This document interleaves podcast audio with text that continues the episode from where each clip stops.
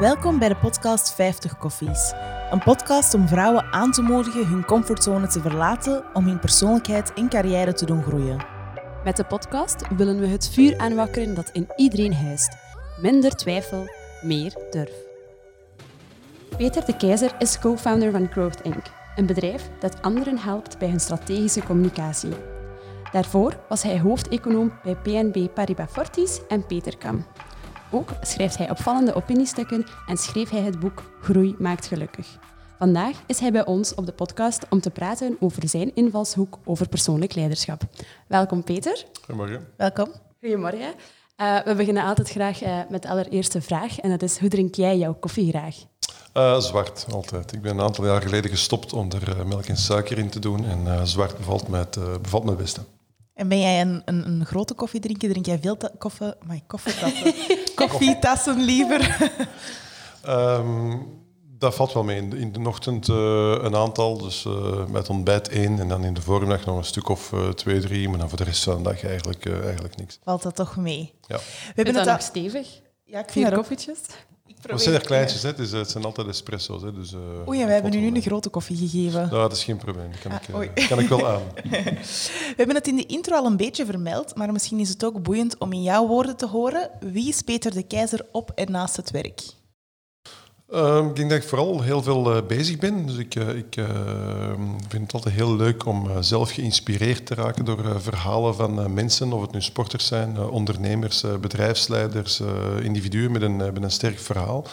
Daar ben ik heel vaak mee bezig in mijn persoonlijke, mijn, mijn privéleven. Uh, dus, uh, dus in sport probeer ik, uh, probeer ik heel, vaak, heel vaak bezig te zijn. Ik stel mezelf ook doelen wat dat betreft. En professioneel zijn we bezig met strategische communicatie. Dus wij helpen bedrijven om invloed te krijgen bij hun stakeholders. Dus je kan aandacht krijgen en dan kan je een pagina advertentie kopen in de krant. Dan heb je tijdelijk wat aandacht en de volgende dag uh, schillen de mensen hun aardappelen op die, uh, op die krant. maar invloed is iets anders. Hè. Invloed gaat over het uitbouwen van een netwerk, het zorgen dat je een inspirerend verhaal hebt, zorgen dat mensen jouw verhaal doorvertellen. Dat kan gaan over aanwezigheid op events, dat kan gaan over het schrijven van een boek, het bijhouden van een, een podcast, een, een ehm, dat kan gaan over uh, een film opnemen enzovoort. Dat is voor mij die, die inspiratie waar wij op dagbasis mee bezig zijn. En wij doen dat voor heel wat, uh, heel wat klanten. We zijn ondertussen ook met, uh, met 14, we zijn, ook, we zijn ook sterk gegroeid. En dat is waar, wij, waar we mee bezig zijn. En vooral ben ik iemand die altijd gepassioneerd probeert bezig te zijn met waar ik, wat ik doe. Het leven is ja. veel te kort om iets maar half-half te doen. Dus ik doe liever wat minder dingen, maar ze dan wel 100%, 100% doen. En dus ik ben van nature ook heel uh, optimistisch en, uh, en ambitieus uh, ingesteld. En ik probeer dat graag over te brengen op, op mensen. Op je team en op, op daarbuiten, neem ik dan aan. Ja, ja, absoluut. Want jij doet Growth Inc. met jouw partner, neem ik dat is, dat is juist, je doet ja. dat met twee, hè? Ja, dus uh, mijn vernoot is Olivier van Hoornbeek. Dus wij zijn elkaar een aantal jaar geleden tegengekomen. Ik had een, uh, een geschiedenis als hoofdeconoom bij een aantal banken. Hè. Zoals gezegd, ik heb bij BNP Paribas Fortis gewerkt. Ik heb bij Petercam gewerkt, maar ook bij ABN AMRO, bij KBC enzovoort. En daar was ik eigenlijk voortdurend bezig met communicatie. Ik gaf 250 speeches uh, per jaar. Ik hield een Twitter-account bij. Ik schreef blogposts. Ik had opiniestukken voor de krant die ik, uh, die ik schreef. Dus ik was eigenlijk heel de tijd bezig mensen te overtuigen. Een verhaal te vertellen over de economie, over groei, over innovatie enzovoort. En dan ben ik mijn, uh, mijn latere vernoot tegengekomen, Olivier van Horenbeek. En hij uh, had een achtergrond als uh, public affairsman. Dus uh, zeg maar een lobbyist.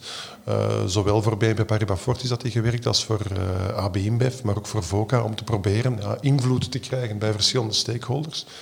En dan zijn we aan de praat geraakt over van kijk, wat wil jij nog doen in je carrière? Wat wil ik nog doen? En dan wat raakpunten gevonden. En dan merkten we dat we eigenlijk dingen wilden veranderen in België, in Vlaanderen. Dat we hier een dynamischere economie van wilden maken, waar meer mensen ownership hadden van hun eigen leven, hun bedrijf. Dus de maatschappij probeerde te veranderen, maar we zagen de politiek niet als de, de, de plek om dat te doen. We gingen er echt vanuit dat ambitieuze ondernemers, individuen, burgers, maar ook ondernemingen, dat dat echt diegenen zijn die echt de maatschappij kunnen, kunnen veranderen. En dat was het idee, als we nu eens kunnen helpen om die mensen, om die individuen, om die ondernemers, die bedrijven op een meer overtuigende manier hun verhaal te kunnen brengen, dan kunnen we misschien wel een aantal veranderingen in, uh, in gang zetten. En zo zijn we ja, drieënhalf jaar geleden begonnen met twee. En dus uh, het lijkt te werken, want we zijn nu met veertien. Dat is een mooie groei en dat is ineens een leuk ezelsbruggetje naar mijn volgende vraag. groei maakt gelukkig, dat is de naam van het boek dat jij geschreven hebt. Binnen de podcast, de vorige podcast, hebben we het al heel veel gehad over groei. Je vertelt in je boek dat economische groei nodig is voor meer vrijheid, meer optimisme en meer welvaart. Kan je daar wat meer uitleg over geven? Als je kijkt naar de geschiedenis van de mensheid, groei is een heel recent fenomeen. Tot voor de industriële revolutie bestond er geen groei.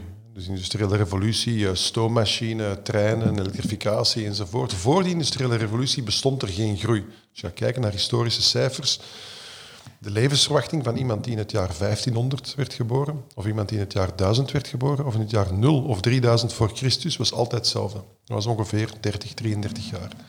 Dus er stierven heel veel kinderen, mensen werden helemaal niet oud, heel veel ziekte, heel, heel, veel oorlog. Mensen uh, stierven heel vroeg.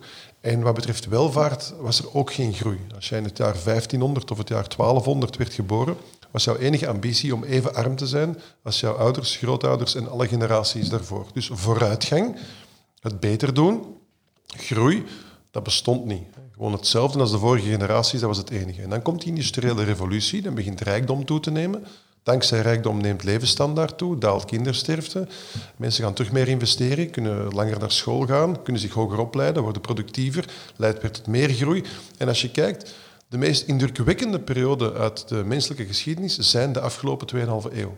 We zijn nog nooit zo snel als mensheid vooruit gegaan op die twee eeuwen. Er wordt vaak over het hoofd gezien. En daarom, als je dan vandaag kijkt naar uh, het zij klimaatbetogers of het zij allerhande andere alarmisten, gaat het over van de planeet gaat kapot enzovoort. Wel, ik nodig die mensen eens uit om te kijken naar drie, vierhonderd jaar geleden. Dan wilde je echt niet leven. Dan stierven je kinderen. Per gezin had je zes, zeven kinderen en er stierven er twee of drie voor ze tien, elf jaar oud waren. Wel, dat was geen beter leven dan, uh, dan vandaag. We hebben heel veel bereikt dankzij die groei. Dankzij die welvaart, die rijkdom, hebben we vandaag scholen, bewegen, kunnen we belastingen betalen, hebben we een overheid die functioneert, kunnen we onderwijs volgen, zijn er gelijke rechten, enzovoort, enzovoort. Er blijven nog heel veel uitdagingen over.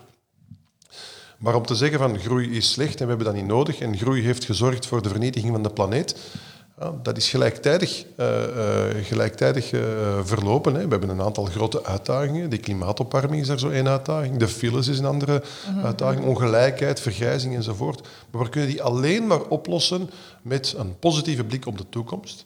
Ambitie, innovatie, ondernemerschap. Zo gaan we dat oplossen. Niet door ineens een nieuw systeem te gaan opleggen enzovoort. Als je kijkt hoe succesvol het systeem de afgelopen twee eeuwen is geweest, van groei op zich, dat heeft heel veel dingen mogelijk gemaakt. En groei is voor mij niet accumulatie. Groei betekent niet dat iedereen binnen 50 jaar 10 smartphones moet hebben, 5 huizen en 27 auto's. Groei is een beter leven. Misschien hebben wij wel geen smartphones meer binnen 10 jaar en delen we z'n allen ons, ons uh, vervoer enzovoort. Dat zullen we dan wel zien. Vooruitgang is voor mij groei. En wat ik als ondertitel, als ik mijn boek moest signeren, vaak erbij schreef, was optimisme plus vrije markt is vooruitgang. En daar geloof ik nog altijd heel sterk in. Als mensen ambitieus en optimistisch hebben, een droom voor de toekomst en ze mogen die ideeën ten uitvoer brengen ja. en het beste idee overleeft, wel, zo gaan we vooruit. Maar dat is echt super boeiend. Dat is nu de eerste keer dat ik er ook zo positief op kijk. Ja, en, en zo in perspectief erop kijken. Want vaak zien mensen groei als inderdaad de korte termijn, onze generatie versus de, grote, allee, de vorige generatie, maar niet op termijn van, van het bestaan van, van de mens. Dus dat is, uh, dat is een heel andere invalshoek die wel boeiend is, denk ik. Oké, okay. uh, eh, we gaan meteen ook een beetje met de deur in huis vallen. Um, de doelgroep voor de podcast zijn ambitieuze vrouwen en ondernemende vrouwen, niet enkel de ondernemende vrouwen. Um, en bij Growth Inc. help je bedrijven dan op een strategische manier ook groeien. Nu, wat is voor u um, cruciaal om een, uh, allez, een bedrijf zou kunnen groeien? Ja, voor groei zijn er heel veel zaken. Hè. Je hebt, uh, financieel uh, heb je natuurlijk de nodige middelen nodig. De markt moet er zijn, je moet het juiste product hebben, je moet blijven innoveren. Je moet het juiste personeel ja. kunnen opleiden. Die mensen moeten ook mee willen, willen doorgroeien. Er zijn heel veel factoren die bepalen of een bedrijf al dan niet groeit. Het aspect waar wij vooral mee bezig zijn, is, is strategische communicatie. Waar dat op neerkomt, is dat je als bedrijf op zoek gaat naar hoe kan ik mijn stakeholders inspireren dat ik als bedrijf nodig ben. In principe heb je als bedrijf een oneindig leven. Ja, als je aan jullie vraagt van bestaan jullie nog als bedrijf binnen 10, 15, 20 jaar, Normaal moet het antwoord ja zijn. Mhm. Bedrijven hebben in principe een oneindig leven. Je hebt daar een, een, idee voor van kijk, dan zal wel een volgende generatie dat overnemen of gaan we dat uitbreiden en groeien. Niemand start een bedrijf om te zeggen binnen vijf jaar is dat hier gedaan. Mensen hebben een, langere horizon. Dus als je als bedrijf ervan uitgaat dat je nog 10, 15, 20 jaar blijft doorgaan, dan is de volgende vraag, hoe ga jij als bedrijf meehelpen om de grote maatschappelijke problemen van vandaag te helpen oplossen? Of het nu gaat over vergrijzing, eh, klimaat, mobiliteit, eenzaamheid, ongelijkheid, onderwijs enzovoort. Hoe ga je die meehelpen oplossen? Geen enkel bedrijf wordt gestart door iemand die zegt van ik ga snel wat geld verdienen. Meeste mensen die een bedrijf beginnen hebben een, een hoger doel. Zeggen van kijk, ik kan dit en ik kan dat beter dan de gemiddelde concurrent, dus ik ga daarmee beginnen. Of ik wil dit maatschappelijk probleem aanpakken of oplossen. Of ik wil die uh, hinderpaal uh, wil, ik, wil ik aanpakken. Hè. Zeg maar, uh, wat betreft mobiliteit, ouderenzorg, onderwijs enzovoort. Wel, daar spelen wij op in. Daar proberen wij bedrijven te helpen om hun stakeholders te inspireren. Mensen kopen niet wat je doet. Mensen kopen geen product. Mensen kopen het waarom je iets doet. Dat, dat, is het hele idee. En daar helpen wij bedrijven mee. En er zijn heel veel verschillende tools, gaande van een persbericht, een crisiscommunicatie, tot en met een, een blogpost, een podcast, een boek schrijven, conferenties geven, fact-finding missions enzovoort. je zou het ook wel kunnen vergelijken met uh, wat Youssef uh, Kobo doet met uh, Seat at the Table. Dat is eigenlijk voor een stuk ook strategische communicatie. Hij is mhm. overal. Dat gaat van boeken tot Instagram, tot, tot posts, tot opiniestukken enzovoort. En hij heeft het niet over het wat hij doet. Het waarom hij het doet, dat is eigenlijk het cruciale van zijn boodschap. En dat is eigenlijk een perfect voorbeeld van strategische communicatie. Want iedereen begrijpt waarom hij het doet. En dus dan ga je als, als het ware als een soort van magneet ook stakeholders aantrekken die met hetzelfde bezig zijn en die samen met jou aan dingen willen bouwen. Dat is eigenlijk waar wij mee bezig zijn. Oké, heel boeiend zoals wij daar straks al eventjes hadden besproken, maar ook heel even duidelijk maken voor de luisteraars. Um, het onderwerp of het thema van de podcast voor vandaag is persoonlijk leiderschap. En dat is de reden waarom wij jou hebben gevraagd hier uh, op deze podcast. Want jij hebt daar veel meningen over en jij blinkt daar uh, in uit, als we dat zelf zo mogen zeggen. Mm -hmm. Wat houdt persoonlijk leiderschap voor jou in? Nu, dat is iets wat ik, wat ik zelf, als ik de vraag las, was het zo de eerste keer dat mij iemand die vraag, eh, die vraag stelde over eh, leiderschap. Ik beschouw mezelf niet noodzakelijk als een, als een, uh, een, een, een, leider. Ik leid wel samen het kantoor, samen met, met Olivier. Dus wat dat betreft ben ik ja, op papier alvast een leider. Maar als ik kijk hoe ik zelf bezig ben met de zaken die mij interesseren. Ik heb heel lang, in het begin van mijn carrière, vooral geobserveerd. Heel veel mensen gelezen, heel veel vragen gesteld, eh, heel veel bijgelezen over economie, over politiek, wat er gebeurt. En langzaam wat ideeën beginnen aftoetsen bij mensen. En dan kristalliseren die ideeën helemaal. Dan krijg je daar meer en meer een platform voor, kan je daar meer en meer over beginnen vertellen. En langzamerhand kristalliseren die verhalen ook helemaal eh, uit. En, en is het ook duidelijk waarom dat je dat doet hè, en, en, wat en eh, wat uw drijfveren zijn. een belangrijke drijfveer voor mezelf, als ik dan terugkijk, iedereen heeft, die, heeft, heeft daar andere drijfveren voor, waarom hij met iets bepaald bezig is. Bij jullie zal dat op een bepaalde manier zijn, bij mij is dat op een bepaalde manier. Zijn er een aantal zaken, dat is, laat ons zeggen, uw, uh, uw stichtingsmythe of uw ontstaansmythe van uzelf, waarom dat je doet wat je doet. Mhm. En bij mij is dat, uh, ik ben... Uh, ik ben opgevoed door een, uh, door een single mom samen met mijn, met mijn broer. En dus uh, we hadden niet zoveel financiële middelen. Dus de boodschap was altijd heel hard werken. En dat is het enige wat u kan vooruit helpen in het leven. Nu, ik heb dan tijdens mijn universitaire studies een beetje een, een hiccup gehad met een aantal examens gemist, jaar overdoen enzovoort. En dan zei mijn moeder van, kijk, je gaat hier niet voor vijf vakken naar de les gaan en voor de rest op café zoek maar een job. Ja. Want dat jaar dat je nu gemist hebt, dat ga je wel moeten terugbetalen. En dan ben ik bij de Quick gaan werken. Dan heb ik daar elke, um, elk, weekend, uh, elk weekend gewerkt. Hè. Dat was een goede 20 uur uh, per week dat ik daar werkte. Dat heb ik een jaar lang gedaan tijdens mijn studies. En dan ben ik op een helemaal andere manier naar, uh, naar werk, naar, naar ondernemerschap beginnen kijken. Dan had ik echt het idee van, kijk, dat werk dat doe ik om mijn studies te betalen. En elke vrije tijd dat ik nog heb, ga ik ook aan die studies besteden. Hè. Dat, is, dat is één stuk van, laten we zeggen, de ontstaansmythe. Hè. Mm -hmm. Vooruitgaan dat is alleen maar door hard werk. Dat is het eerste. Hè. Sterk geloof in eigen kunnen. En als je vooruit wilt, dan moet je aan jezelf bouwen en anders gaat het niet lukken. Het tweede stuk speelt zich iets vroeger af. Toen mijn ouders uh, gescheiden zijn, toen was ik zelf uh, tien jaar. Uh, mijn moeder die was leerkracht in het lager onderwijs, maar die was leerkracht in het katholiek onderwijs. En toen dus mijn vader plots verdween en dus ja, mijn moeder gescheiden was, toen mocht ze niet meer werken in het katholiek onderwijs. Want een, een gescheiden vrouw, ja, dat mhm. stond haaks op hun, op hun katholieke waarden, dus die mocht, daar, die mocht daar niet meer werken. En dus daar was ze niet meer welkom. Haar opleiding, haar tien jaar ervoor had ze gewerkt in het onderwijs en met die carrière kon ze eigenlijk niks meer doen. En als ze ging solliciteren in het, uh, in het gemeenschapsonderwijs, dan hing daar een stempel katholiek onderwijs op, dus kon ze daar ook niet terecht. Wat hebben die twee dingen met mij gedaan? Dat is onderdeel van mijn stichtingsmythe. Een heel groot wantrouwen tegenover instituties, de instellingen, de overheid, het onderwijs, de vakbonden, grote naamloze instellingen die het leven van mensen bepalen. Een heel groot geloof in wat mensen zelf kunnen doen om daar onderuit te raken. Mijn moeder heeft zich dan vervolgens omgeschoold tot uh, secretaresse. Dus die opleiding van uh, onderwijs en haar, haar lang leven, hè, dus uh, lesgeven aan kinderen, was dus gedaan omwille van ja, een scheiding waar ze zelf niks aan, aan kon doen. Heeft zich volledig omgeschoold tot secretaresse, vervolgens opgeklommen, bijgeleerd, extra opleiding, enzovoort, enzovoort, enzovoort. En uiteindelijk is die twee jaar geleden op haar 65 op pensioen gegaan. Dus een volledige carrière ook nog eens een keer gedaan. Wel, die zaken die zijn voor mij, als je dan uiteindelijk zou moeten distilleren waar dat vandaan komt, wat mij drijft en op welke manier ik ook leiderschap probeer te beoefenen, dat zijn de twee cruciale elementen van mijn stichtingsmythe. Groot wantrouwen in, uh, in instituties, het systeem, de staat enzovoort. En een heel groot geloof in het individu die daar tegenop uh, probeert te, te, boksen. En dat is nog altijd, als je vandaag mijn opiniestukken leest, als je hm, kijkt waarover ik gepassioneerd ben, waar ik mee bezig ben, ook mensen probeert te adviseren, is het altijd dat. Hè. Gelooft in jezelf en gaat er niet vanuit dat het systeem veel voor u gaat doen. Oké.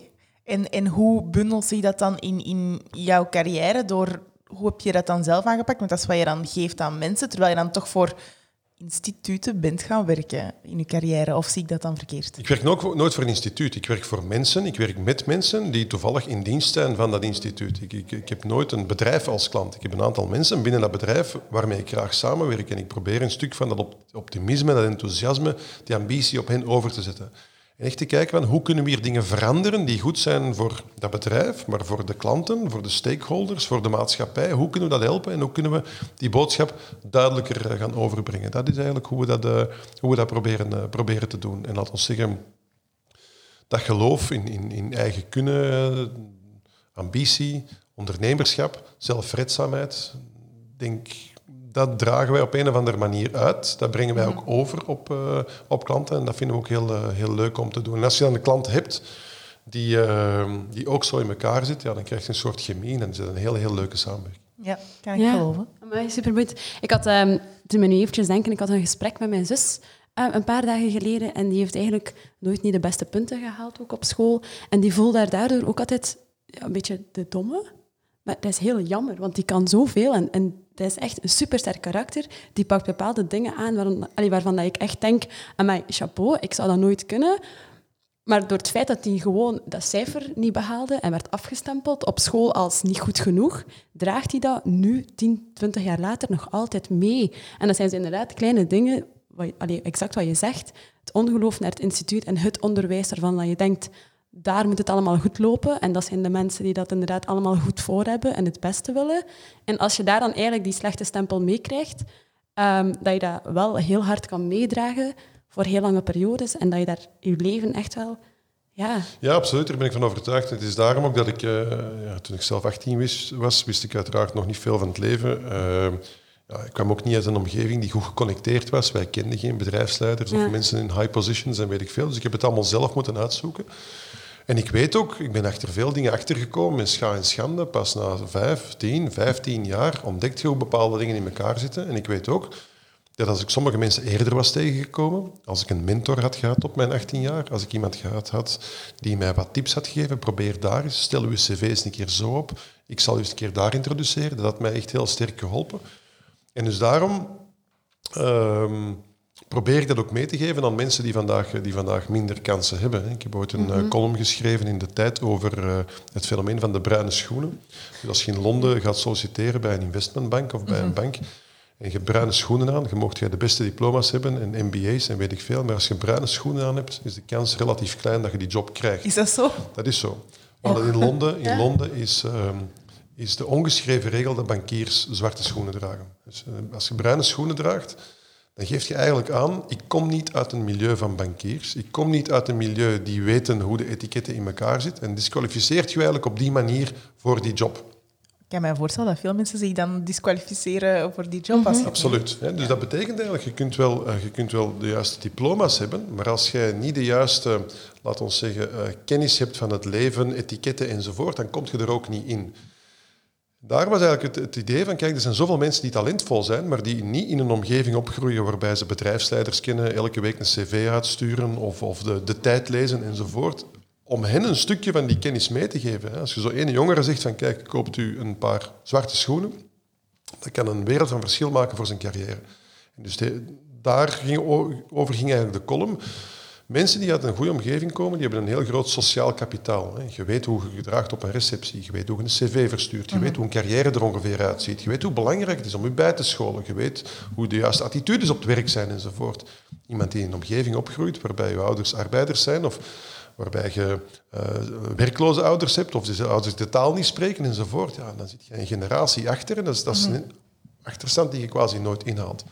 Als je dan een mentor hebt of iemand die je helpt om te zeggen van let daarop, doe dit, doe dit, doe dit, dan kun je die persoon 15, 15, 20 jaar uitsparen aan allemaal teleurstellingen, misvattingen, uh, afwijzingen enzovoort. En kunnen die veel sneller vooruit helpen. Dat is het stuk verdelen van je sociaal kapitaal. Ja. En dat merk ik nog vaak als ik zo ga naar... Uh, grote netwerkrecepties van De Tijd of VBO of, of, VOCA enzovoort. Er lopen heel weinig, uh, heel weinig uh, kansen jongeren rond. Er lopen heel weinig uh, allochtoon loopt daar rond. Dat is vooral heel blank, dat is vooral heel grijs, dat is vooral heel mannelijk.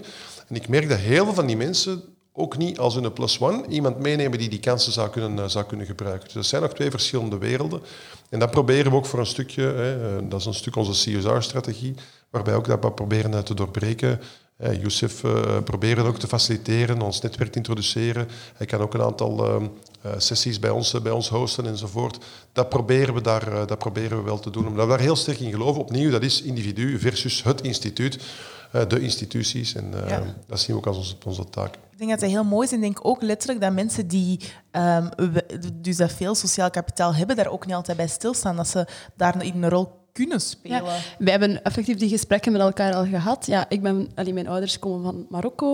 Um, mijn papa is altijd arbeider geweest. Mijn, papa, uh, mijn mama is heel lang huisvrouw geweest. En pas als al de kindjes naar school gingen, is mijn mama uh, poetsvrouw geworden. Dus we hadden ook dat sociaal kapitaal Um, niet echt, maar we kenden wel één iemand, dat is Marijan. Uh, dat is de dag van vandaag eigenlijk ons omaatje ook nog altijd. En dat is altijd de persoon geweest die dat eigenlijk onze agendas nalas en keek, wat is er nodig? Wat hebben de kindjes nodig? Ah, ze gaan op reis en niet dan zei tegen mijn mama in het Frans, ze hebben dat en dat en dat nodig, het kost zoveel, um, ze gaan een week weg en dan uitleggen wat dat alles inhoudt. Want als kind weet je het niet, als ouder Allee, onze ouders wisten het ook absoluut niet. En we hebben eigenlijk altijd Marijan gehad. Die dat, we zijn met zeven, dus dat waren wel zeven agendas nakijken. zeven boodschappen doorgeven. Ook als er straf was, als er gewoon dingen gebeurden, herinner ik me heel goed dat Marijan elke avond bij ons thuis zat om die taak op haar te nemen. En de dag van vandaag beseffen wij allemaal hoeveel dat, dat betekend heeft in onze opvoeding en uh, in ons onderwijs ook. Ja, wat ik ook heel belangrijk vind, is ik zie voor dat soort van zaken, sociaal kapitaal dat ontbreekt, uh, je zegt inderdaad, uh, je hebt niet het juiste netwerk. Ik geloof niet dat het systeem daar ook de oplossing voor is. Ik geloof ook, niet dat een soort van uh, agenda-nakijk-ambtenaar daarvoor een oplossing zou zijn. Ik denk echt dat mensen daar zelf ownership in moeten nemen en zeggen van kijk, ik zie een maatschappelijk probleem. Ik zie dat daar inderdaad die mensen sociaal kapitaal mankeren. Ik zie dat er zeven kinderen zijn zelf ownership nemen en zelf dat ter harte nemen. We hebben heel vaak de neiging in België of in Vlaanderen om te zeggen ja, maar de overheid moet dat maar oplossen. Ja, maar dat is niet mijn probleem. Ik heb die migranten hier gehad, ze moeten dat maar oplossen. Um, en ik denk dat, dat zoiets heel belangrijk is, dat mensen er beseffen dat ze zelf ook zo'n probleem mee kunnen aanpakken. Dat ze zelf daar ownership gaan hebben. En dat is de meest duurzame manier om zoiets voor te zetten. Want zet daar morgen een leger van 100 ambtenaren op en dat wordt opnieuw een soort van departement dat voor oneindig gaat bestaan, dan denk ik zo, een Marijan, dat is iets... is veel veel dat is iets veel, veel krachtiger. Ja. Maar als, je de verhaal van Youssef uh, leest, dat is was, ook zo. Hè? Dus de, de, de, zo een, een, een bejaard koppel die, die in hun buurt woonde, waar hij ook heel veel heeft gezeten enzovoort. Dat zijn de belangrijke zaken. En dus, ah, ik wist ehm, dat niet van Youssef. Ja, ja, absoluut. Ik kan een keer navragen. Ja, ja, ja. En dus dat, dat, zijn de, de, belangrijke zaken, maar ook een, een Siham El Kawakibi, ja, die in de turnkring mm zat enzovoort. Dat zijn zaken waar je emancipeert. En ik mhm. denk, een institutie, een instelling, een overheidsapparaat daarop zetten, dat helpt niet. Mensen die zelf ownership nemen. En dan botst je onmiddellijk tegen een hinderpaal. Heel veel Vlamingen zeggen van, ja, maar ja, ik betaal al genoeg belastingen. De staat moet dat maar regelen. Oh, heerlijke uitspraken. Zelf, dat van niet te veel belastingen is wel waar. maar ehm, dat je dat zelf kan aanpakken, dat is een heel belangrijke. Dat mensen zelf ownership kunnen nemen. En ik zie ook heel, heel veel vrijwilligers, mensen die bezig zijn uh, met buren te helpen, met zich in te zetten voor projecten. Kijk naar Warmste ja. Week enzovoort. Ik zie heel veel mensen die daar, die daar, iets, aan, uh, die daar iets aan doen. En ik denk dat zo'n privaat initiatief, daar ben ik een heel, heel grote fan van. En ik denk dat dat het meest duurzame is op langere termijn. Absoluut. Nu, Peter, ik heb jou de, leren kennen, of de eerste keer gehoord eigenlijk, op de lancering van Moonshots. Um, daar sprak je over karakter en dat dat eigenlijk een middenweg is tussen um, persoonlijkheid en discipline. Ik vond het toen super boeiend, want ik heb toen gezegd tegen Jana, ik heb die horen spreken, we moeten die echt op de podcast vragen. Omdat je me toen echt wel geïnspireerd had en heel boeiende dingen zei over inderdaad...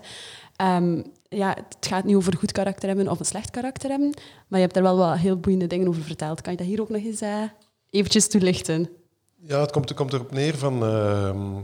Wat wij vaak zeggen, als, als wij iemand aanwerven, een diploma is in principe voor ons van secundair belang. Iemand zijn attitude en zijn karakter, dat is het belangrijkste. Mhm. Ehm, of iemand een bepaalde materie kent of, of weet hoe hij iets uh, moet doen, dat kan je altijd bijleren. Maar iemand zijn karakter kun je niet veranderen. Dus uh, wat we dan vaak zeggen is hire for attitude, train for skill. Dus iemand met een goede attitude, die goed in elkaar zit, die goed gewired is, die nemen we aan. En de zaken die hij of zij niet kent, die leren we dan, uh, die leren we dan wel bij. Nu, wat betreft de, de karakterdiscipline, uh, dat zijn heel eenvoudige dingen. Dat is uh, op tijd opstaan, niet te laat gaan slapen, uh, zorgen dat je voldoende sport, uh, op je eten letten, vriendelijk zijn tegen mensen, altijd willen luisteren, nooit zomaar kritiek geven, u niet te negatief opstellen. Dat zijn een aantal simpele, simpele regeltjes die je kunt, uh, die je kunt volgen. Uh, positief zijn, uh, hard hebben voor, voor, voor de zaak, voor ondernemerschap. Op langere termijn denken. Elke dag zo eens een keer tien minuten nadenken van wat heb ik nu vandaag gedaan? Was dat goed? wat wil ik de komende week doen? Dat soort van zaken. En dan gaan we zien, dat, dat maakt zoveel energie vrij. Dat zorgt ervoor dat je je kunt concentreren op de zaken die belangrijk zijn dat je eigenlijk merkt dat je een routine krijgt die, die je energie gaat geven. Iemand die elke dag op een ander uur opstaat, elke dag op een ander uur gaat slapen, elke dag ergens anders eet, uh, zijn werk altijd, uh, altijd ongedisciplineerd doet, die gaat heel veel tijd verliezen met, met rennen naar afspraken, te laat komen, deadlines niet gerespecteerd worden. Dat mhm. kost u heel veel energie, dat is draining. Iemand als Einstein, die had in zijn, uh, dat zegt toch de, de legende, in zijn kast had hij allemaal dezelfde kostuums hangen. Dan kon hem elke ochtend hetzelfde kostuum aandoen. Dat bespaarde hem s ochtends al de keuzestress om te kiezen wat hij precies moest, uh, moest aandoen. Ik zeg niet dat dat voor iedereen gegeven is om, uh, om dat te doen. Maar je ziet onmiddellijk dat als je een paar routines inbouwt, dat u dat wel helpt om je leven op orde te krijgen. En dan krijg je heel veel energie die je in andere zaken kunt, uh, kunt stoppen. Dan ben ik eens heel benieuwd. Um, het staat hier niet op onze voorgekoude lijst. Maar hoe ziet jouw dag er dan uit? Wat zijn disciplines die je voor jezelf hebt ingebouwd of tijdens je week, uh, of zelfs tijdens je jaar, die jou helpen om energie te krijgen en minder tijd te verspillen? Dus wat ik uh, probeer te doen, zijn een aantal, een aantal zaken. Op tijd opstaan is er, is er één van. zelfs in het weekend sta ik nooit na half negen op. Dus in de week is dat tussen tussen kwart na zes en uh, kwart na zeven dat ik, uh, dat ik opsta. Dan begint de dag. Wat ik dan meestal doe, is eerst uh, snel de mails checken.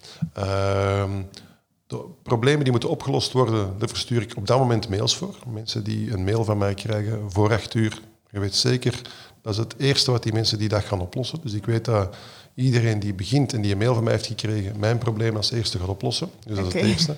Dan ontbijten, dan naar het werk. Dus dat is de, gewone, de gewone routine. Voor de rest uh, nooit na 11 uur, half 12 gaan slapen in de week. Dus uh, dat helpt ook al wel. Hè. Dan kunnen ze veel geconcentreerder. geen alcohol tijdens de week, heel belangrijk. Minder slaap nodig, meer energie, kun je beter concentreren. Dat is een belangrijke. tussen de vier en zes keer sporten per week. Dus okay. daar dat echt, echt gewoon in het, in het schema inbouwen. Al is het maar een half uur op de loopband gaan staan op de, op de fitness. Dus dat soort van zaken echt consistent inbouwen. En mm zeggen van kijk, ehm, een dag niet gesport wil, dan moet ik de dag daarna twee keer zoveel gaan sporten enzovoort. Dat is een, dat is een heel belangrijk. En ook in het weekend. Uh, in het weekend neem ik mezelf altijd voor het is een goed weekend geweest als ik op zondagnamiddag met de krant in slaap val in de zetel. dus als ik daar geen tijd voor heb om de krant te lezen en dus na in, de, in de middagzon even weg te dommelen een kwartier, dan is het teken dat het weekend te vol zit. Dus zo'n dingen probeer ik altijd uh, in te bouwen. En die zondagnamiddag probeer ik ook altijd vrij te houden. En dan luister ik alleen muziek, of als de kinderen er zijn, dan speel ik een spel, of, of, of uh, dan lees ik met hen de krant, of dan, dan, uh, dan hebben we het over actualiteit enzovoort. Maar, maar zo'n moment, uh, zo'n moment inbouwen, dat probeer ik echt, probeer ik echt te doen. Oké. Okay. Ik denk dat dat superbelangrijk is, maar ik vind dat ook wel moeilijk. Dat is heel moeilijk. En dat gaat de ene week beter dan de andere ja. week. Dat is een kwestie van, kwestie van de, of dat je dat hard genoeg wilt of niet. Ja, dat is waar. Wij doen heel hard om best... Allee, Jana en ik gaan soms ook uh, samen gaan lopen. we zijn aan het trainen, maar we hebben toch al een paar keer uh, gemerkt dat we het uh, overgeslaan hebben. Nee, wat je dan doet, is je zet het gewoon in je agenda. Je zet gewoon de komende, ja. de komende maand, je zet gewoon wanneer je het wilt doen, zet het in je agenda als een afspraak. En voilà, dan moet die afspraak met ja. je looptraining gerespecteerd het worden. Het staat ook zo in de agenda. En dan Voilà. zo... Ja. En als je aan het werken en dan denkt je, ah, ik zit juist Ja. in een flow, laat het maar, maar dat is eigenlijk niet de Nee, juiste, ja, nee, de inderdaad. juiste manier van aanpakken. Maar we werken eraan. Dat is Voilà, iets. absoluut. Nu, ehm, naast eh, het karakter zelf, wat vind je dat, ehm, allee, of welke eigenschappen moet iemand bezitten eh, voor een groot allee, persoonlijk leiderschap dan echt te hebben? Ik denk dat meestal mensen zijn die, eh, zoals wij zeggen, die, die goed gewired zijn. Hè. Dus het zijn mensen die, die, ehm, die niet, vooral, die niet alleen aan zichzelf denken, hè. dus die ook met anderen bezig zijn. Hè. Wat zijn de gevolgen van acties op, eh, op anderen? Ehm, maar er ook niet te ver in gaan. Leiderschap betekent ook knopen doorhakken. En Je kunt niet voor iedereen goed doen. Soms moet je keuzes maken. En ja, sorry, niet iedereen zal daar tevreden mee zijn. En dus eh, ook in staat zijn om eh, radicaal slecht nieuws te brengen. Maar sorry, dit was slecht. Dit moet opnieuw. Ehm, dat, is, een- dat is een belangrijke. Dus dat je echt eerlijk kan zijn. Hè. Dus iemand die altijd zegt van ja, het was goed, maar enzovoort. Ja, daar hebben mensen ook niks, eh, ook niks aan. Dat is een lange termijn doelen kunnen, eh, kunnen stellen. Ehm, do what you say, but say what you do. Dus zeg van, kijk, eh, dit gaan we doen, dat ook uitvoeren. Maar ook als je iets aan het doen bent, ook zeggen tegen de mensen, we zijn nu hier en hier mee bezig en dat past daar en daarin. Dus dat is een heel, eh, dat is een heel, heel belangrijke.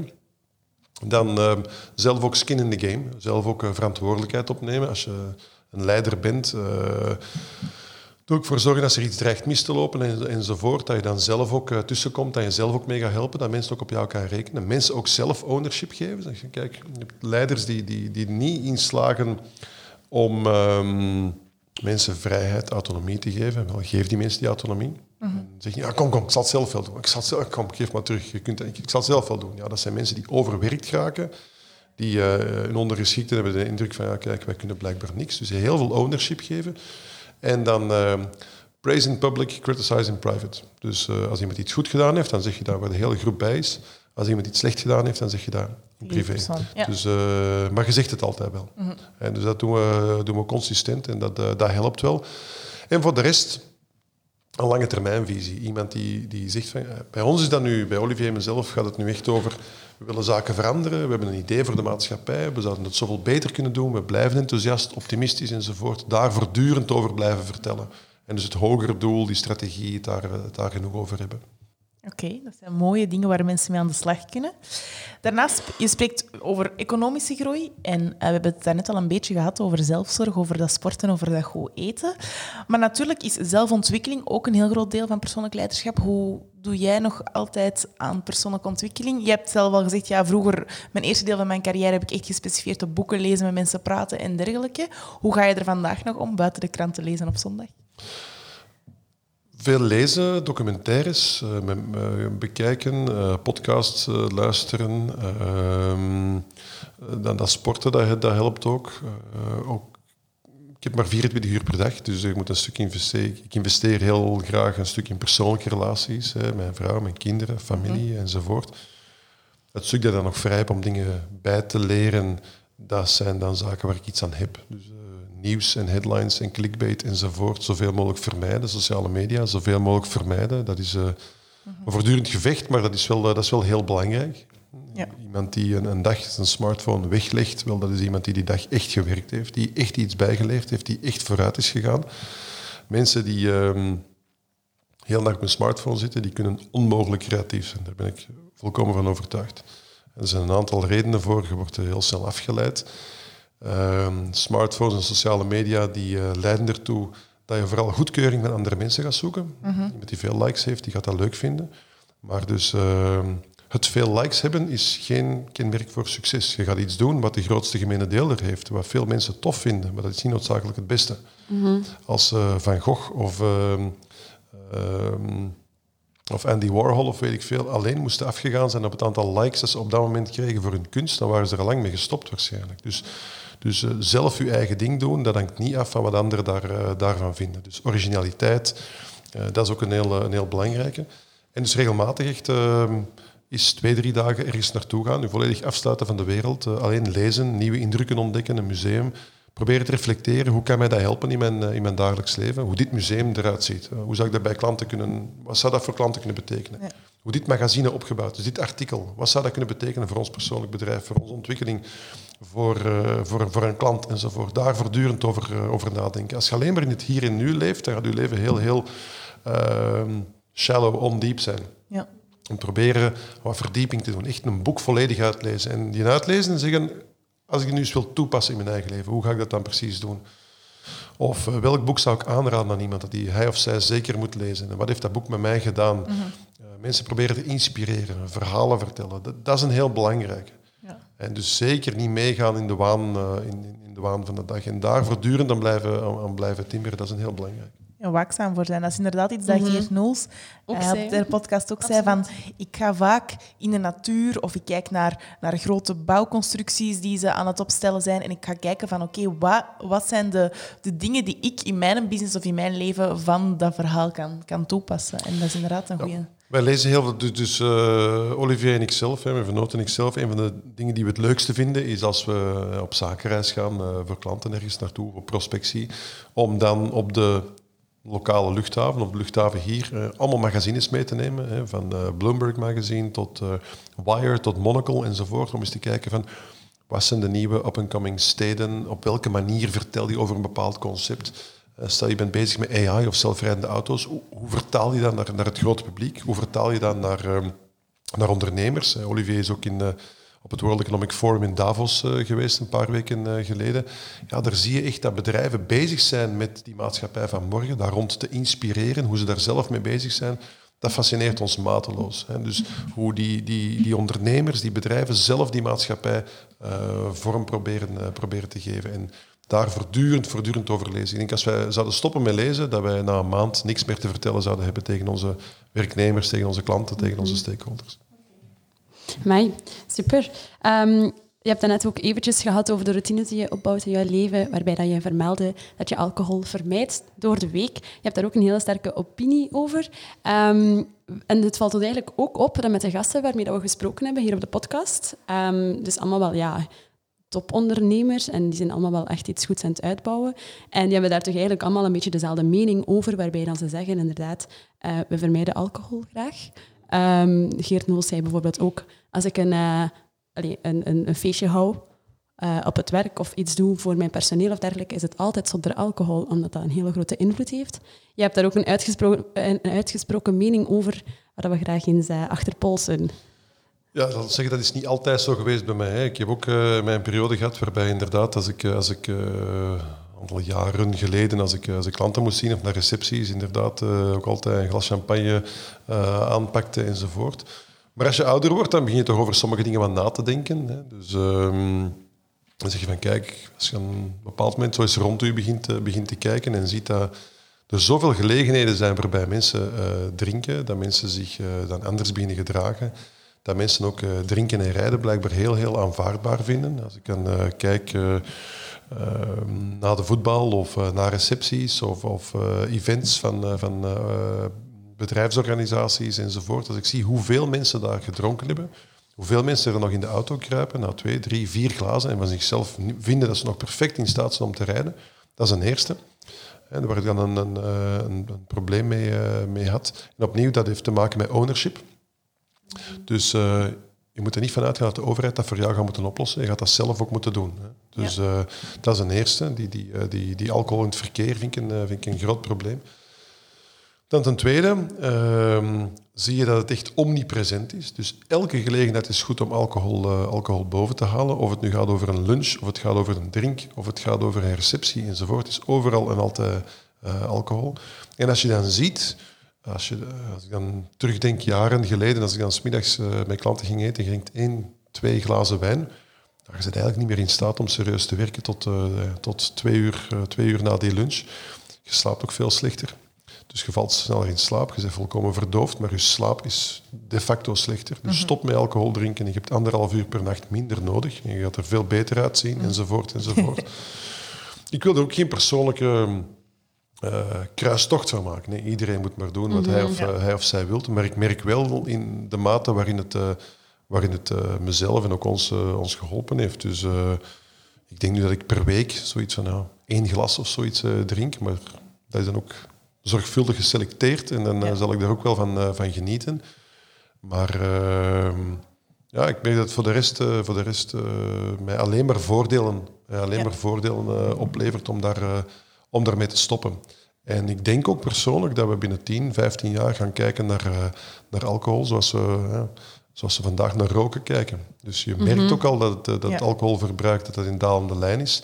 Je merkt dat jongeren er op een andere manier naar, naar kijken. Je merkt dat de grote bierproducenten ook beseffen dat het, dat het maatschappelijk minder en minder aanvaard is. Je merkt double-digit growth in hun alcoholvrije, alcoholvrije alternatieven. Dus je ziet daar wel een, een kentering ontstaan. Ik denk dat dat alleen nog maar, maar verder zal gaan. Ja, ik denk zeker als we kijken naar onze generatie dan, dat er heel veel mindless inderdaad gedronken wordt. Gewoon niet bij stilstaan op die receptie. Er wordt een glas cava aangereikt, gewoon uh, eentje afpakken. Terwijl het inderdaad, het gaat niet meer om genieten op dat moment. Het gaat gewoon over binnenkappen. Ja, dat is een automatisme ook. Ja, het is vaak van de waanzinnig slechte kwaliteit nog, je dat je dat krijgt. Dus het haalt ook weinig uit om daarvan te drinken. En je merkt ook inderdaad, als je, als je veel water drinkt, uh, geen alcohol enzovoort, dat uh, je bent veel helderder, je kunt veel beter mm denken, je bent heel de dag productief. Ehm, ja, het interessante is natuurlijk wel, zolang andere mensen nog altijd drinken, als je op een receptie komt, als mensen al drie, vier glazen hebben gedronken en je hebt zelf niet gedronken, dan kom je veel meer te weten over uh, wat de mensen nu echt vinden van uh, wat er aan het gebeuren is. Dat, dat kan ik mij geloven. Nu, alcohol is een... Uh, ja, nee, zeg maar. Nee, nee, alcohol is een, een, een toxic middel, ik denk dat we daar wel over eens kunnen zijn. Maar zo zijn er ook minder duidelijke toxische middelen. Jij hebt het ook gehad over dat nieuws, of het lezen van heel veel nieuws, ook een beetje toxic kan zijn. Waarom is dat? Omdat je van nieuws eigenlijk niks bijleert. Dus uh, al de headlines die je in de krant ziet staan, breaking news enzovoort. Het afgelopen jaar, de gemiddelde Belg, Vlaming, Europeaan, consumeert ongeveer 20.000 nieuwsitems op jaarbasis. Dat is veel. Sociale media enzovoort bij, dus ongeveer 60 berichten per dag. 60 nieuwsitems, sociale media, Instagram enzovoort. Als je nu over die 20.000 nadenkt die jij in het afgelopen jaar hebt uh, bekeken, kan je mij er vijf van opnoemen die fundamenteel veranderd hoe je naar de wereld kijkt. De, de opiniestukken van Peter de Keizer. Ja, laat dat nu net een uitzondering zijn. Hè. Laat dit een uitzondering zijn. Dus um, als je nieuws, een nieuwsitem leest, moet je jezelf uh, twee dingen afvragen. Ten eerste, begrijp ik de wereld nu beter dan voor ik dat item heb gelezen? Het antwoord zal in 99,9% van de gevallen nee zijn. En ten tweede, ben ik nu in staat om betere beslissingen te nemen voor mezelf? Persoonlijk, relationeel, zakelijk? Het antwoord zal ook 99,99% van de keren nee zijn. Dus wat heb je er dan eigenlijk aan gehad? Eigenlijk is dat nieuws op dat moment een soort entertainment. Maar als je dat als entertainment beschouwt, dan is het iets helemaal anders. Maar de mhm. illusie van ik zal nu iets bijleren, ik moet het lezen, want dan leer ik iets bij. Hè, uh, Natalia is zwanger en uh, Nathalie Meskes gaat op reis en weet ik veel. Daar heb je niks aan. Als je dan kijkt, de uren dat je eraan besteedt, als je bedenkt hoeveel boeken dat je hebt kunnen lezen, longreads, documentaires, essays, opiniestukken enzovoort, die jou wel de wereld beter doen begrijpen, dan besef je pas hè, hoeveel, uh, hoeveel dat je, dat je verliest met dat, uh, met dat nieuws. Coronavirus, eigenlijk net hetzelfde. Iedereen die daar angstvallig alle nieuws over in de gaten houdt, die weet niks meer dan een maand geleden. Conflict met Iran, juist hetzelfde. Er gebeurde van alles gedurende een week. Je kunt een week lang al dat nieuws bekijken, maar als je een dikke boek had gelezen over de verhoudingen Iran-VS, dan had je eigenlijk een jaar niet naar het nieuws moeten kijken. Je had eigenlijk al geweten wat daar aan zit te komen, wat daar aan het gebeuren is, enzovoort, enzovoort. Je dus, krijgt het ook voor echt zodanig voorgeschoteld dat je er bijna niet naast kan kijken. Hè? Ja, maar het is eigenlijk... Dus, dus uw, uw hersenen, hè, dus, dus ook met uw meldingen op sociale media, altijd die ting, ting. Staat allemaal uit dat Ja, dat is eigenlijk een soort van, een soort van dopamine-jackpot. Dus elke keer als je dan een nieuws, uh, als je dan daaraan beantwoordt, hè, van ik moet dat weten, ik moet op die headline klikken, ik moet die melding bekijken, dan krijg je een soort van... Um, een soort van beloning van je hersenen, een dopamine. Dan komt, ah, komt een beetje een, mm -hmm. een rustgevend gevoel. Ah, Oké, ik weet dat weer. Maar de volgende keer ga je dat terug willen zien en terug. En dus mensen gaan dus voor die voortdurende dopamine-shots, terwijl die eigenlijk gaan van de ene shot naar de andere, van de ene high naar de andere, maar eigenlijk levert dat niks op. Dat zou zeggen, een marathon lopen ga ik doen door uh, uh, 420 sprints van 100 meter te lopen. Ja, dat gaat ook niet werken. Dat ja. is een marathon. En daar ga je op een andere manier op voorbereiden dan op 420 sprints. En dopamine is eigenlijk net hetzelfde. En daar ben ik van, overtuigd, ik ben van overtuigd dat heel veel um, aandoeningen, hè, zoals, zoals uh, burn-out en overwerkt en weet ik veel, echt komen door sociale media en mensen die verslaafd zijn aan die dopamine. Ja. Ik ben er echt van overtuigd, leg die smartphone eens een week weg, maar echt weg. Zet uw dataverkeer af. Dus als mensen nu willen bereiken, kunnen ze u bellen, sms kunnen ze u sturen, maar al de rest je af. Mm-hmm. Ik garandeer u dat je rustiger bent op het einde van de week, dat je meer zal hebben bijgeleerd, meer tijd voor jezelf zal hebben genomen enzovoort. Dus dat betekent opnieuw ontwikkel jezelf, maar door te investeren in de dingen die op langere termijn ja. nodig zijn. Um, als, je, uh, als je wilt afvallen of als je, als, je, als je gezonder wilt worden, een crash course dieet helpt nooit. Mm -hmm. Grote voornemens helpen nooit. Iets klein veranderen aan je mm -hmm. levensstijl, maar dat wel ja. lang volhouden, dat werkt wel. Alleen, dat is niet instant gratification, dat is delayed gratification. Maar we hebben een maatschappij waar mensen gaan voor instant gratification. Nu, nu, nu. En dus heel veel uh, aandoeningen, ziektes enzovoort gaan over instant gratification versus delayed gratification. Uw tanden nu niet poetsen elke dag, dat is tof en dan spaar ik mij vijf minuten uit. Maar de kost betaalt je wel binnen tien jaar. Nu tegen uw kinderen zeggen van oké, okay, pak een iPad maar, omdat je ze niet terecht wilt wijzen of wilt opvoeden. Dat is nu tof, maar binnen tien jaar hebben de kinderen die misschien geen diploma halen of die niet in staat zijn om uh, karakter te hebben, om, om, om, dingen op lange termijn vol te houden. Nu zeggen van oh, in mijn zetel blijven liggen is toffer dan te gaan lopen, dat is nu tof, maar je betaalt het wel binnen vijf of tien jaar door een slechtere conditie enzovoort ja. enzovoort. Mm -hmm. En dus aan jezelf werken is delayed gratification. Dat is heel veel leuke dingen vandaag niet doen om een reward te krijgen op langere termijn. En dat ja. kan niet iedereen. En ik ben er wel van overtuigd dat het gaat over, over kleine dingen aan je levensstijl veranderen. Sporten, boeken lezen, investeren in relaties. En liever vijf goede relaties dan 25 vluchtige. Dat die zaken nu op langere termijn het meest opleveren. Alleen, je zit in een maatschappij waar instant, instant, instant, instant de drijfveer is. Wel, probeert dat zelf dat tempo lager te krijgen, probeert dat langere termijn te kijken. En ja, uw vrienden gaan dan misschien op korte termijn een toffer leven lijken te hebben. En die gaan elke dag naar feestjes en leuke cocktails en uh, 25 citytrips per week enzovoort enzovoort. Maar op langere termijn, binnen tien jaar gaan we nog eens spreken, wiens carrière, wiens relaties, wiens kennis, wiens zicht op de wereld het, het beste is. Ja. Dus dat is volgens mij ja, hetgeen dat gaan moet werken. Heel mooi. Ja, ik denk dat ik, ik ga er ook echt volledig mee akkoord. dat is gewoon wel echt moeilijk. Ik merk dat dat wel... Dat blijft gewoon echt een werkpunt.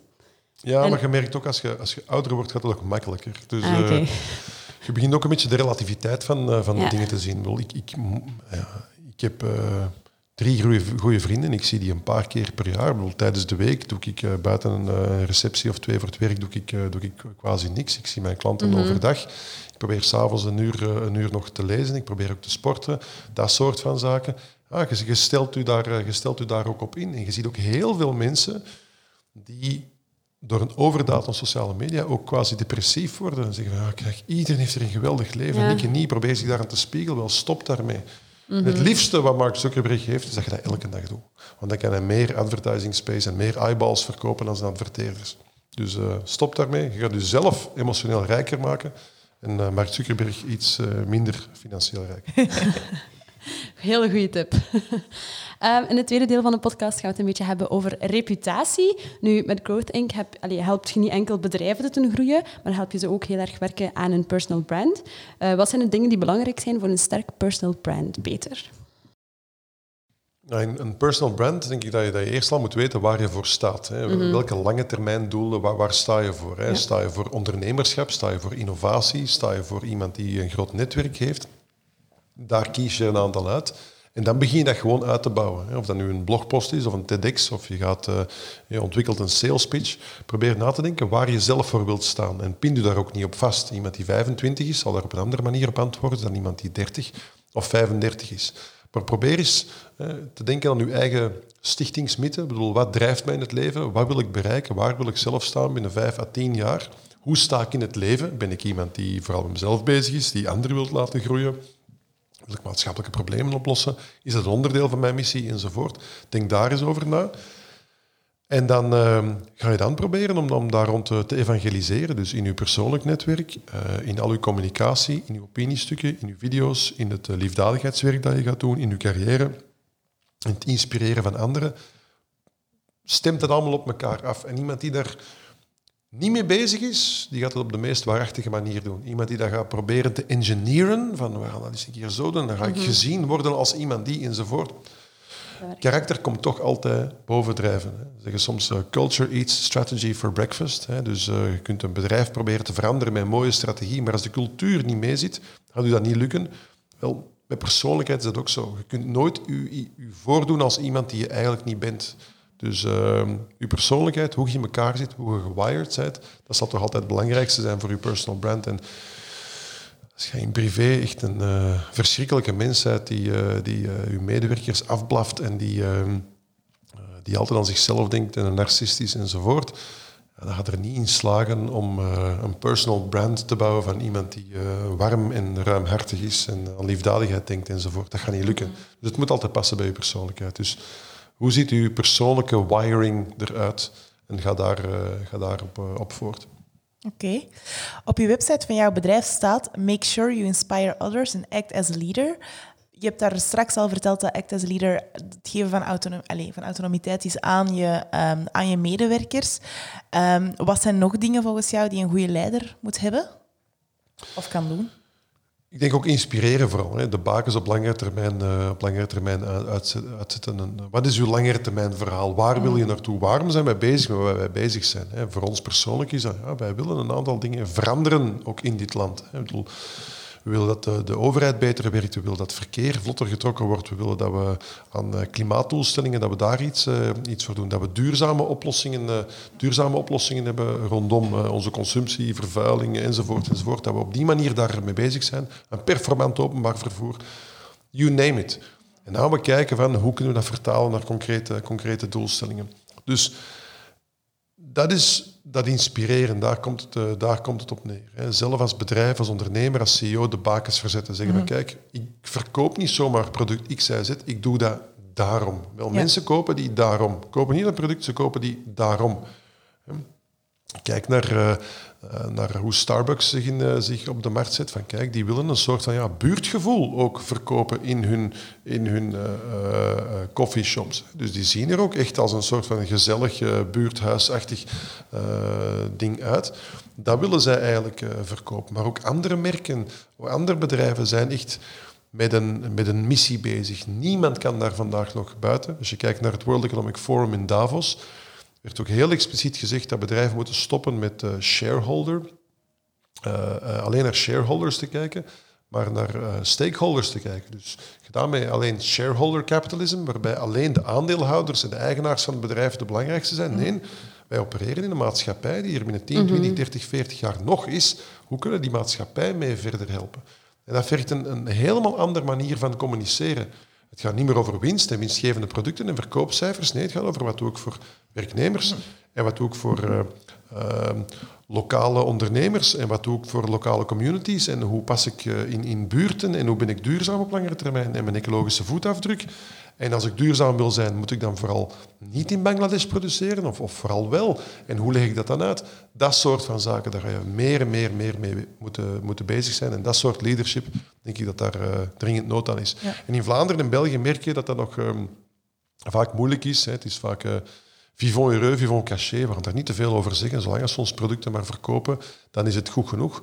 Maar je merkt dat er maatschappelijk een grotere vraag komt naar bedrijven om daar ook rekenschap over af te leggen. Van wat doe je nu echt voor uh, dat klimaat mhm. op lange termijn? Of voor ongelijkheid? Of voor uh, kansenjongeren? Hoe geef je die vandaag kansen? Ben je daarmee bezig? Dus die vragen gaan meer en meer gesteld worden. Nu, Peter, je schrijft ook heel veel opiniestukken in tijdschriften en kranten, hebben we ook al eerder vermeld.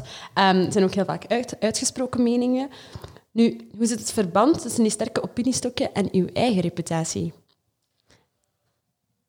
Als ik die opiniestukken schrijf, dan uh, het is eigenlijk nog nooit gebeurd dat ik aan zelfcensuur doe en zeg van nee, dit kan ik niet schrijven, want dan gaan mensen X, Y, Z van mij denken. Hetgeen ik uh, vind, ja, dat ga ik communiceren. Ik bedoel, ik ben te oud geworden, ik ben nog niet zo oud, maar ik ben te oud geworden om, te, om wakker te liggen wat andere mensen van mij zouden kunnen denken. Ja, als ze iets van mij willen denken, ja, dan zullen ze dat nu ook al wel denken. Mhm. Dus dat opiniestuk dat ik dan schrijf, die mening die ik dan schrijf over verkeer, de overheid, politiek, alcohol, you name it ja, dat is mijn mening. En als mensen daar een probleem mee hebben, dan is het maar zo. Ik ga altijd graag in gesprek of in discussie met die mensen. Maar ik ga niet zeggen van ah, dit ga ik niet vertellen, want dan zouden ze misschien wel eens dat of dat van mij uh, kunnen denken. Ik probeer wel positief in het leven te staan. Ik probeer ik probeer uh, nooit mensen de, te veroordelen of te beoordelen. Ik sta altijd open voor een, uh, voor een gesprek. Ik heb mijn mening, andere mensen hebben hun mening. Ik doe mhm. niks liever dan in gesprek te gaan met andere, met andere mensen. Maar ik lig echt niet wakker van of die opinie nu mensen uh, tegen mij het harnas zal jagen, ja dan nee. Ik ben wie ik ben. Ik denk niet dat ik een radicale mening heb. Ik heb een uitgesproken mening, maar ik ben iemand die met iedereen door één deur kan. Maar ik heb wel mijn mening en ik denk dat hoe meer meningen we hebben, hoe meer mensen die op een respectvolle manier uiten, ehm, hoe beter. En ik uh, nodig ook iedereen dan uit om dat, uh, om dat ook te doen. En daar zou ik ook niet wakker van liggen. Als je een bepaalde mening hebt, uit die dan ook gewoon en argumenteer die en ga in gesprek, ga in discussie. We moeten niet met z'n allen overeenkomen. Hè. Dus uh, iedereen mag zijn eigen mening hebben. Ook voor jonge mensen die um, nog aan de start zijn van hun carrière of nog echt in een opbouw zijn. Je hebt natuurlijk al een bepaald, um, een bepaald aanzien en een bepaald autoriteit. Binnen jouw field, voor mensen die veel jonger zijn, ligt dat soms nog wat anders. Wat zijn dingen die zij kunnen doen om toch hun, hun mening te uiten, anderzijds hun reputatie hoog te houden? Ik denk vooral, ik heb, ik heb een, natuurlijk uh, het voordeel dat ik een stuk van mijn carrière heb kunnen opbouwen toen sociale media nog niet bestonden. Mhm. Dus, dus uh, als ik kijk hoe sommigen zich nu uitdrukken op sociale media over, over alles en nog wat een mening hebben, ja, het internet vergeet niet. Dus dat blijft daar, uh, dat blijft daar staan. er zijn voldoende werkgevers die als iemand aanwerven toch eerst op sociale media gaan kijken. Want heeft die persoon een Twitter-account, een Instagram-account? Wat staat erop? Ja. Heeft hij op elke foto een glas wijn vast? Ja, oké daar gaat het op een, op een andere manier naar die persoon kijken dan wanneer die, uh, dan wanneer die andere dingen aan het, uh, aan het, uh, aan het doen is. Dus um, ik zou zeggen, als je jong bent, zit je vooral aan het bijleren. Vooral zorg dat je een spons bent voor heel veel verschillende meningen, opinies, feiten. Stel vooral heel, heel veel vragen. Mm -hmm. Als je 2, 23 jaar bent, dan verwacht ik nog niet van jou dat je over alles een mening hebt. Dan wil ik dat je vooral heel veel vragen stelt. Ja. Als wij een 22-jarige aanwerven en die komt mij overdag geen tien vragen stellen, dan is hem niet goed bezig. Want per definitie weet je nog niet veel. Dus kom dan ook veel vragen erover stellen. En na verloop van tijd ga je die mening zelf wel beginnen vormen. Uh, zorg dat je respectvol bent. Uh, ga met mensen om zoals je zou willen dat ze met jou omgaan. Maar dat zijn heel simpele stelregels. Maar ik merk op sociale media dat dat vaak een, eh, dat dat vaak een probleem is. Dus dat soort van zaken vind ik, uh, vind ik wel, uh, wel heel belangrijk. En vooral waste time without wasting time. Dus tot u 30. Kijk maar rond, stel veel vragen. Probeer eens hier, probeer eens daar. Dus wel lezingen mee. Uh, mm -hmm. Ga dus bij lezingen luisteren enzovoort. En kijk vooral rond. En dan zul je op den duur wel merken waar uw passie ligt, waar uw toekomst ligt. En dan kan je ja. daar nog altijd in, uh, in doorgaan. Maar niemand verwacht dat je op je 223 al weet waar dat je binnen 10 jaar gaat, uh, ja. gaat staan. Okay. En wat als je nu wel iets gedeeld hebt op sociale media of je mening heel hard, um, ja, onrespectvol eigenlijk, gedeeld hebt? Wat als je dat nu wel gedaan hebt en je denkt, oei, nu is het te laat? Is er dan een tip die je wel kan meegeven van Verwijder die tweet. Meestal is hem al ergens gescreenshot of zo en halen ze hem toch nog ergens boven. Dan moeten, ze, dan moeten ze echt al aan het volgen zijn hè? Ik bedoel, ja. uh, om, om, dat, uh, om dat te doen. Maar als je... Uh, denk, uh, als je kan vermijden dat het zover komt, denk gewoon eens een keer twee keer na voordat je het, voordat je het erop zet. En besef ook van, ja, heeft de wereld er iets aan dat ik dit nu post, op welke mm -hmm. manier enzovoort. Klopt. Ja, er zijn mensen die, die, die op sociale media zitten om, om, om, om aandacht te krijgen, hè, om die dopamine shots te krijgen. Je kan ook oprecht naar andere meningen op zoek gaan en oprecht proberen te kijken van oké, ja, kan iemand mij hiermee helpen? Ik merk dat dat soort van zaken echt heel veel helpt. Hè. Je post iets, je hebt een artikel gelezen en zegt van kijk, ik denk dat dit en dit de oorzaak is van zeg maar iets, uh, achterstelling op de arbeidsmarkt. Hè. Dat is volgens mij een stuk lage opleiding, een stuk racisme, een stuk dit of dat. Wat is jullie mening? Zoiets, dat soort van zaken die heel goed werken. U openstellen. Zeggen ja. kijk, help me. Uh, ga in gesprek met mij. Dan zegt dan, het is dit, punt. Ja, dan weet je dat je een ander soort ja. van reacties gaat, uh, gaat krijgen. Dus stel u open op, stel u ontvankelijk op. Uh, wil bijleren, dat is een attitude die volgens mij altijd helpt. Oké, okay, de laatste vraag misschien, want ik zie onze technische man zeggen dat we al eventjes bezig zijn. Een deel van reputatie is natuurlijk ook het opbouwen van je netwerk. Um, je zegt zelf dat je twee keer per week ongeveer naar uh, events, lezingen en dergelijke gaat. Het kan wel heel time-consuming zijn, denk ik, netwerken. Hoe ga jij daarmee om? Is dat gewoon twee keer en doe je, ben je dan van het begin tot het einde? Doe je ook koffies of, of, of lunchen om mensen te leren kennen? Hoe ga jij om met netwerken en hoe bouw jij of hoe heb jij jouw netwerk opgebouwd? Een heel belangrijk boek dat je daarover kan lezen is uh, Never Eat Alone Hmm. En dus uh, dat gaat over het feit dat je dat moet proberen om nooit alleen te eten. Niet, uiteraard niet altijd met dezelfde persoon, maar als je smiddags geen lunchpartner hebt gepland of zo, of uh, zelfs als je maar boterhammen eet of een koffie drinken, nodigt iemand uit. En zelfs gewoon mensen die je nog niet kent zeggen van kijk, ik heb een artikel over u gelezen of ik heb een opiniestuk van u gelezen, zouden we eens een koffie kunnen drinken? Je zou ervan verschieten hoe weinig mensen dat doen. Mm -hmm. Ik gaf vroeger uh, vaak lezingen voor studenten. Er zaten er twee, drie, vierhonderd studenten in de zaal.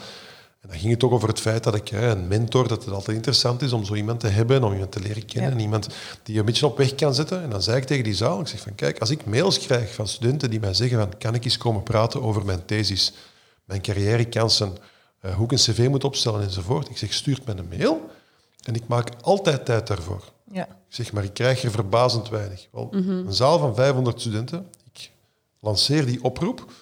Wel, de twee, drie weken daarna kreeg ik gemiddeld twee à drie mails. Dat is alles. Ja. Er zijn 497 mensen die zeggen van oké, okay, ja, ik durf niet, of ik zal het zelf wel doen, enzovoort, enzovoort. Dus stuur mails naar mensen en bouw je netwerk op die manier op.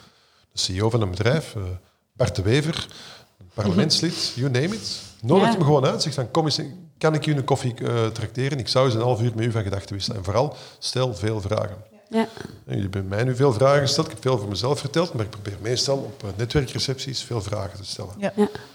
Hoe zie je, kijk je daarnaar? Hoe zou je dat oplossen? Hoe zou je dit? Hoe zou je dat? Zo ga je het meeste bijleren en je gesprekspartner zal zich die gesprekken het best herinneren. Iemand die een kwartier lang een monoloog over zichzelf afsteekt, dat onthoudt niemand. Mm -hmm. Iemand die een kwartier lang oprecht geïnteresseerd is, antwoord, antwoorden zoekt, dat onthouden mensen wel. En volg de dag erna ook altijd op. Als je teamkaartjes hebt gekregen van mensen, stuur die de dag erna allemaal een mailtje. Leuk u uh, kennis gemaakt te hebben, kunnen we elkaar nog eens zien, zouden we misschien daar kunnen helpen, enzovoort, enzovoort. Je zou ervan verschieten hoe weinig mensen dat doen. En als je dan een van de weinigen bent die dat doen, wel, dat zijn contacten die je een jaar, twee jaar later nog altijd kan opbouwen. En opnieuw, iemand als Youssef is er ook geweldig in. Fantastisch goed in. Wij gaan naar uh, New York, wij gaan naar Washington DC. We zeggen dat tegen Youssef. Zegt, ah, ik ken daar die nog, ik zal je in contact brengen met de die, en de die, en de die. Dat soort van zaken, dat helpt. En opnieuw, geen schrik hebben dat je die mensen zal overladen met mails. Je zou ervan schrikken hoe weinig van dat soort van contactverzoeken, lunch, koffieverzoeken mensen krijgen. Dus als je een van de weinigen bent dat dat wel doet, ga je er zelf op vooruit gaan. En uh, dat kan je netwerk alleen maar helpen op langere termijn. Ja, dat is een beetje ons verhaal met de 50 koffies. Um, ja, het begin hiervan was effectief gewoon met de top, of met al die inspirerende mensen op de koffie gaan en even ons eigen project pitchen. En uiteindelijk is dat nu een podcast geworden, omdat er heel veel mensen achter vroegen en gevraagd hebben om die informatie te delen. Dus dat doen we nu ook. Maar we zijn ook inderdaad echt begonnen met uh, hey, zijn om eens op de koffie te gaan. En we kregen een heel, allee, verdacht. Allee, wij vonden dat heel raar. En, verdacht. Ja, het is niet verdacht. we vonden dat heel raar in het begin, omdat we echt zeiden, oh my god, iedereen zegt daar ja op. En oh, we gaan met een dien en een dien op de koffie. Allee, dat was super spannend, omdat je dat somehow denk je, ik stuur er 20 uit en ik ga één ja hebben. Maar je stuurt er 20 uit en het 18 ja's. Dus en ik denk inderdaad dat je dat heel mooi aanhaalde. Wat wij ook ontdekt hebben, is dat je denkt, oké, persoon X of persoon Y die voor ons heel, heel hoog staat of heel mooie carrière heeft uitgebouwd, om Ehm, als we die een mail sturen, ja, die gaat er 200 in zijn mailbox krijgen en wie ben ik die er gaat tussen vallen? Maar we hebben al heel veel keer gehoord, allez, te horen gekregen van nee, dat is absoluut niet waar. Mensen denken vaak dat wij onbereikbaar zijn en sturen daarom geen mails, terwijl wij eigenlijk heel bereikbaar zijn en maar al te graag onze mening of onze kennis delen, maar we worden er niet meer achter gevraagd. Ja, absoluut. Dat betekent ook dat degene die uh, het initiatief neemt of de ownership heeft om te zeggen van ik ga dat wel doen, dat die ook succesvol is en dat die inderdaad daar ook uh, zijn, voordeel mee kan, uh, zijn voordeel mee kan doen. En dus uh, het is ook een manier om jezelf open te stellen en zeggen van ik wil leren van jou, in plaats van dat je zelf een drammerige boodschap gaat overbrengen naar andere mensen. En dus dat is hetgeen mensen het, het vaakst onthouden. Dus dat helpt wel op, op recepties. En wat de netwerkrecepties is belangrijk. En wat je ook kan doen is zorg dat je iemand kent op de receptie. Als je één iemand kent op een receptie, ga daar naartoe en laat die persoon u voorstellen aan een aantal andere mensen. Dat ja. helpt. Wat ook helpt als je alleen bent op een receptie, ga naar iemand die ook alleen is. Mhm. Het gesprek dat je dan aanknoopt, gaan zowel jij als die andere persoon nooit vergeten. Dat is iemand die je twee, drie jaar later nog altijd gaat, uh, gaat kennen. En je gaat ook leren op een makkelijker manier, uh, op een makkelijker manier contact te leggen. Ja, we hebben hier nu ook met de podcast um, een beetje een coffee challenge gelanceerd, waarbij dat we gezegd hebben, hey, um, schrijf drie, drie mensen neer waarmee dat je op de koffie wilt en vraag het ook effectief. Uh, en het zijn eigenlijk al veel mensen die dat effectieve ja hebben gekregen op de vraag om koffie te drinken. Dus uh, we proberen de mensen wel aan te zetten om uh, iets meer op de koffie te gaan. En koffie te drinken, ja. Ik onthoud voornamelijk uit deze podcast, we zijn tot het einde gekomen, dat ownership het allerbelangrijkste is. Dat je um, vandaag kleine dingen kan aanpassen om grote resultaten op lange termijn te creëren in plaats van korte resultaten allee, op short term. Um, ja, en, en, en dat je moet proberen zoveel mogelijk informatie te vergaren en vragen te stellen en te lezen. En niet uh, voor social media gaan en, en die headlines te herlezen en herlezen en herlezen. Super bedankt, Peter, om ja. erbij te zijn op de podcast vandaag. En uh, hopelijk nog eens tot snel. Alright, graag gedaan. Dank je wel. Dank je wel. Dag.